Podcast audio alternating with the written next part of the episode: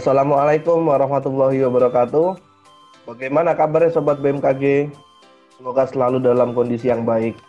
Kembali lagi di podcast mengenai cuaca. Kali ini saya bersama dua sahabat saya yaitu Mas Nur Habib dan Mas Iqbal sebagai narasumber pada podcast kali ini yang akan membahas mengenai Borneo Vortex.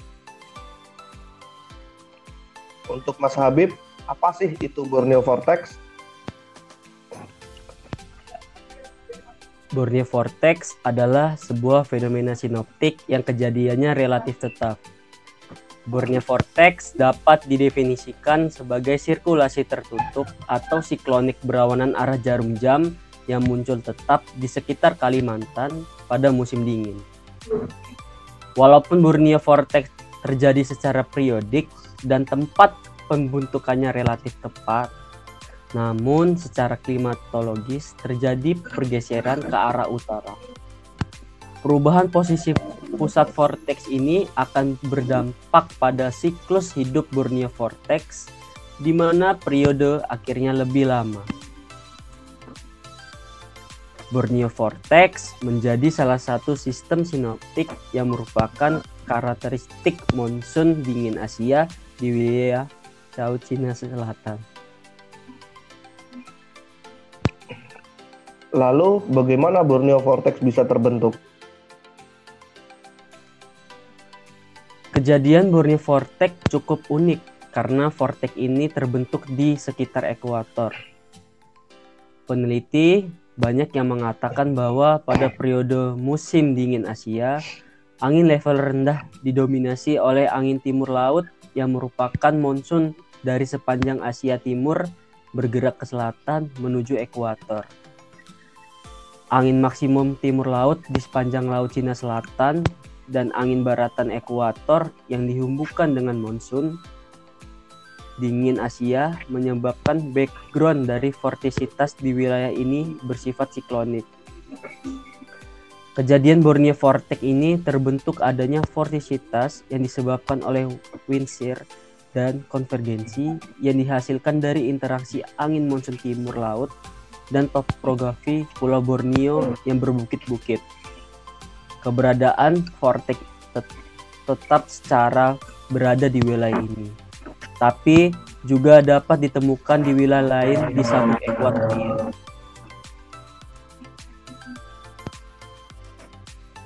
Lalu, bagaimana cara mengidentifikasi Borneo Vortex?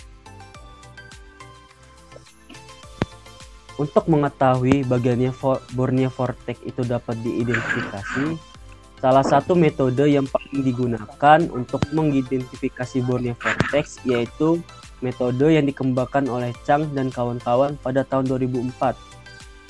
Chang menjelaskan bahwa Borneo Vortex didefinisikan sebagai sirkulasi tertutup yang berlawanan dengan arah jarum jam pada lapisan 925 milibar. Di daerah di daerah sekitar 2,5 selatan hingga 7,5 utara, bujur bujur utara, kemudian 107,5 hingga 117 bujung bujur timur. Dengan setidaknya ada satu angin dengan berkecepatan melebihi 2 meter per sekon. Lalu untuk Mas Iqbal, bagaimana dampak dari Borneo Vortex ini apakah dampaknya baik atau buruk bagi aktivitas manusia? Dampak ketika terjadinya Borneo Vortex, Vortex adalah peningkatan curah hujan di beberapa wilayah Sumatera, seluruh Kalimantan, dan juga wilayah Nusa Tenggara serta Bali. Tetapi ketika sesudah terjadinya Borneo Vortex atau setelah terjadinya siklonik itu, maka di wilayah Jawa, Sumatera, dan beberapa wilayah Kalimantan ini mengalami penurunan curah hujan dan sebaliknya di wilayah Nusa Tenggara serta Bali mengalami peningkatan curah hujan yang tidak terlalu signifikan. Jadi sebenarnya dampak dari Borneo Vortex ini adalah ketika terjadi Borneo Vortex itu beberapa wilayah mengalami peningkatan curah hujan. Tetapi ketika setelah terjadinya wabah baru wilayah Bali dan Nusa Tenggara itu yang mengalami kenaikan curah hujan. Jadi untuk dampak positifnya itu ya kenaikan curah hujan mungkin bisa curah hujan itu sendiri ditampung di waduk untuk masalah irigasi. Tetapi jika wilayah itu mempunyai topografi yang gundul atau misalkan hutan telah dibabati maka kemungkinan besar terjadinya banjir ataupun longsor. Itu saja dampak dari Oke, setelah kita mengetahui apa itu Borneo Vortex beserta dampaknya, alangkah baiknya sobat yang mendengarkan podcast ini sebagai pembelajaran dan pengetahuan. Demikian podcast pada kali ini. Semoga pendengar dalam keadaan yang baik.